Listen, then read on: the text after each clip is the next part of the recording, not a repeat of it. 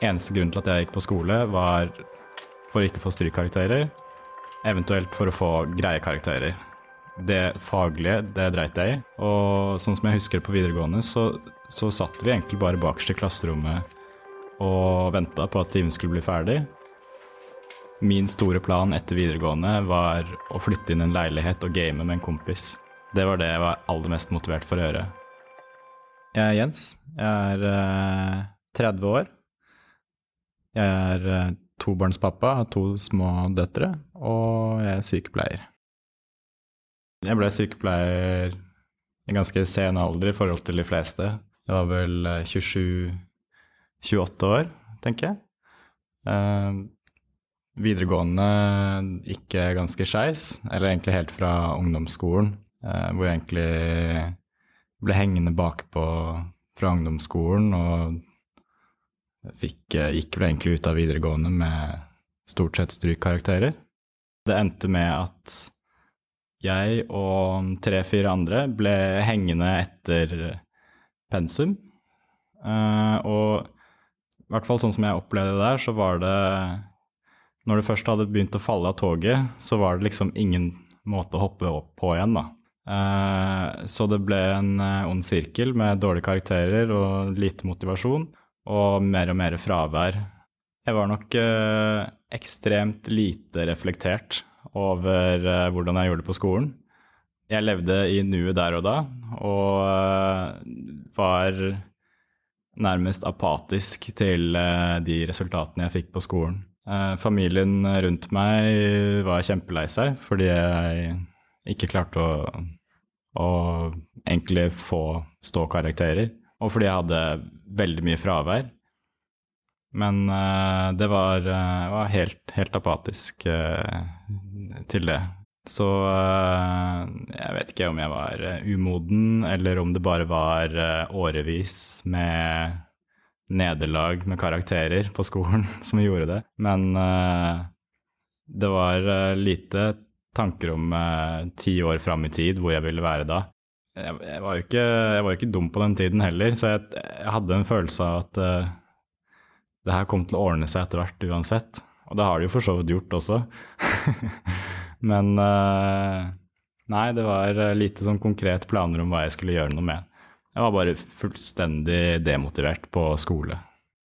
Og det har jeg tenkt på mye i etterkant, at det er ikke så de største tiltakene som skal til for å, å fange opp de som får strykkarakterer, de som ikke henger med i læreplanen. Det er små tiltak som skal til, tenker jeg da. I hvert fall sånn som jeg var. Det var ikke Det, det er ikke så mye som skulle til for at uh, jeg kunne hoppe på det toget igjen, da. Men uh, det var liksom Det var ingen som var der for å, å gjøre det. Året etter videregående så, så begynte jeg å ta opp fag, men da Det ble jo egentlig samme, samme regla igjen, fordi da var jeg like motivert som jeg var på videregående. Så det gikk vel sånn Fikk vel kanskje toer og treere i noen ting, og så ble det noen strykkarakterer der også. Spesielt vanskelig var det med, med fransken, da, som er veldig relevant for eh, arbeidslivet. jeg presterte å få én i fransk skriftlig og seks i fransk muntlig. Eh, Jeg hadde nok en, eh, en lærer som eh, ga meg litt for mye informasjon om hva den muntlige eksamen skulle bli, så jeg hadde egentlig pugga alle spørsmålene hun kom til å stille meg, satte i Google Translate og pugga svarene uten at jeg hadde noen som helst forståelse for det jeg sa. Eh, Så jeg eh, fremførte manuset mitt, og eh, sensor sa det var greit. Kom tilbake, og så fikk jeg beskjed om at jeg hadde veldig god forståelse for det franske språk, og ville derfor gi meg karakteren seks. Så da var det lykke over hele linja, og så gikk det vel en måneds tid, og så fikk jeg tilbake karakteren fra skriftlig, og der var det én, da. Så da gikk det skeis. Året etter eh, jeg tok opp fag på, etter videregående, så kom det jo en ny skolereform. Jeg tror det gikk over fra Jeg husker ikke hva de reformene heter. Men da fantes ikke de fagene jeg hadde tatt opp lenger. Eh, Så da var jeg egentlig tilbake til scratch. Da hadde jeg brukt ett år og sikkert 80 000 kroner på å ta opp eh, omtrent alle fagene, nå fantes ikke de fagene lenger. Så det sugde. Så da ble jeg veldig demotivert av det, og bestemte meg egentlig for å, å legge hele greia på is. Uh, så da tok jeg ett år i førstegangstjenesten i en alder av 23 eller noe sånt. Følte meg ganske gammel der, men det var eh, godt å bare gjøre noe konkret som ikke hadde noe med skole å gjøre. Jeg var lei av å ikke ha utdannelse. Jeg begynte å bli da var jeg kanskje ja, 25 og ville egentlig Jeg ville ikke ha noen sånne flytende greier som jeg kunne risikere å gå i årevis uten å få jobb på. Jeg ville ha noe, noe, noe som jeg var interessert i, og noe som kunne egentlig sikre meg en jobb ganske tidlig etter utdannelse.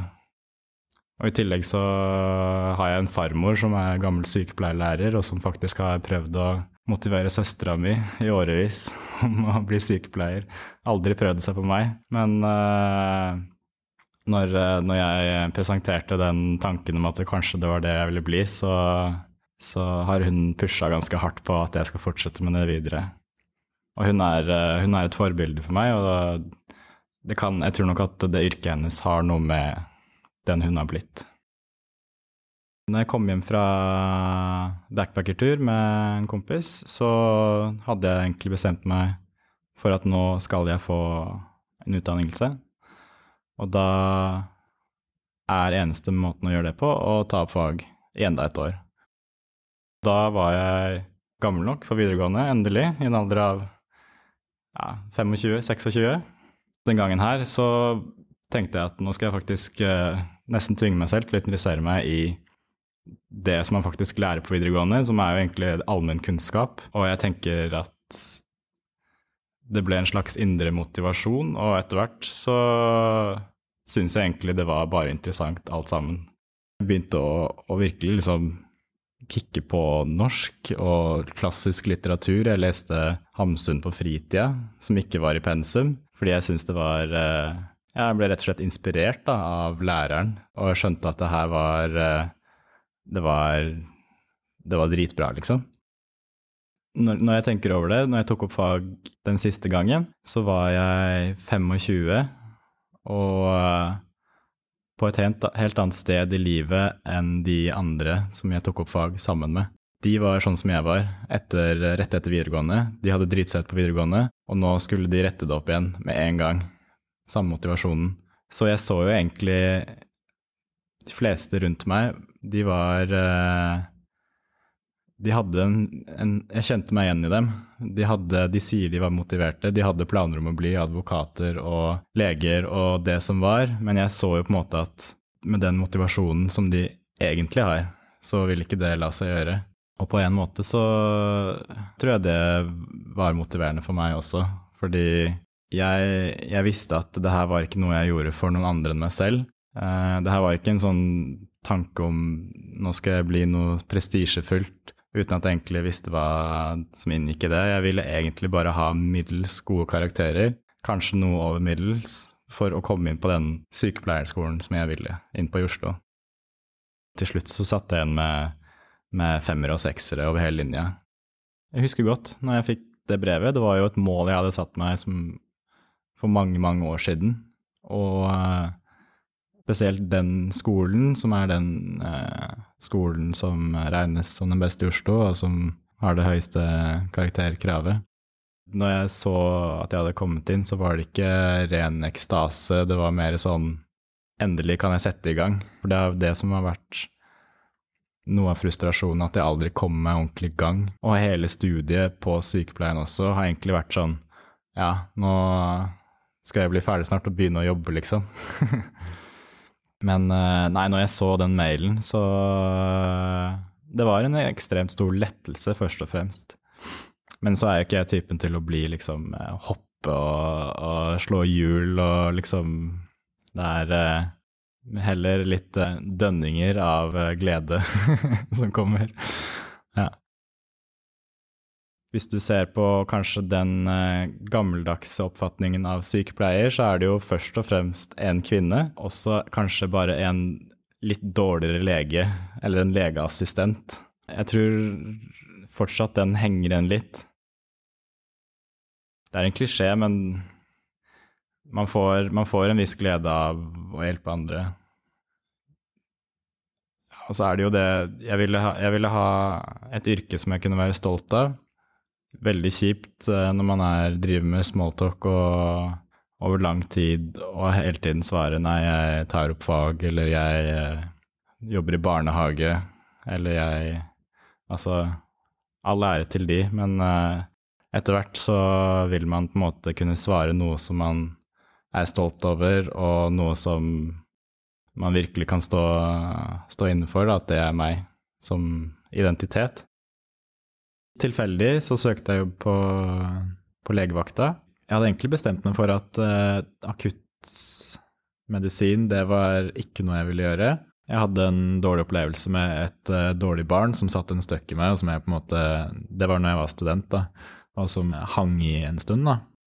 Og da tenkte jeg sånn, det her er ikke en arbeidshverdag som jeg kommer til å tåle. Jeg hadde allerede fått mitt første barn, uh, og det var uh, litt sårt. Uh, og så begynte jeg på, på, legevakta og ble tatt veldig godt imot, og det føltes trygt selv om det var kaotisk. Og etter hvert så begynte jeg å innse at akuttsituasjonene der var alltid høydepunktene på hver vakt.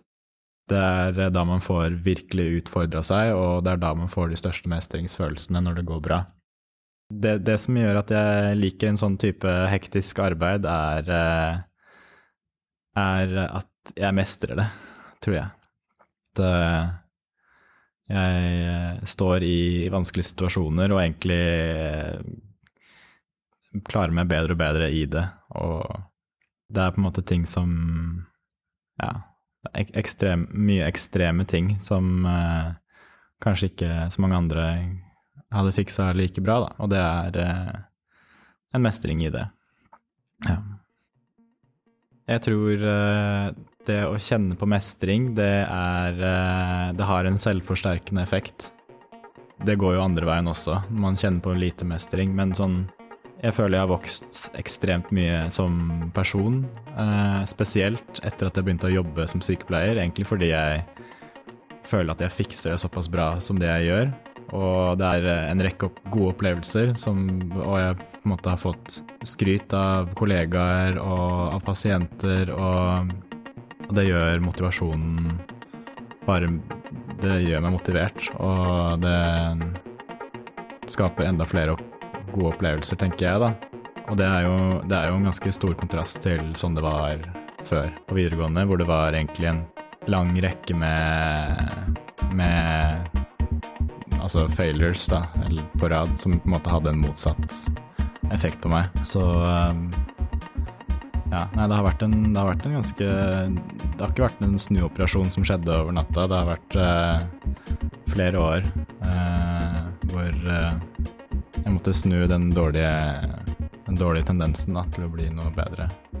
En egenskap som jeg, som jeg, ser veldig opp til, er eh, at folk er gjennomsiktige, og at de, de, Du skjønner bare med en gang at det her er folk som egentlig bare lever av å uh, hjelpe folk. Det er uh, like naturlig for dem som å, å puste og spise og drikke.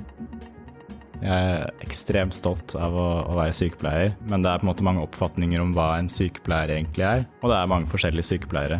Veldig, veldig variert yrke sånn sett, men eh, sånn i bunn og grunn så, så er jeg stolt når noen spør og jeg sier at jeg er sykepleier. Det er ikke et prestisjeyrke, men jeg tenker sånn Det kommer an på øyet som ser.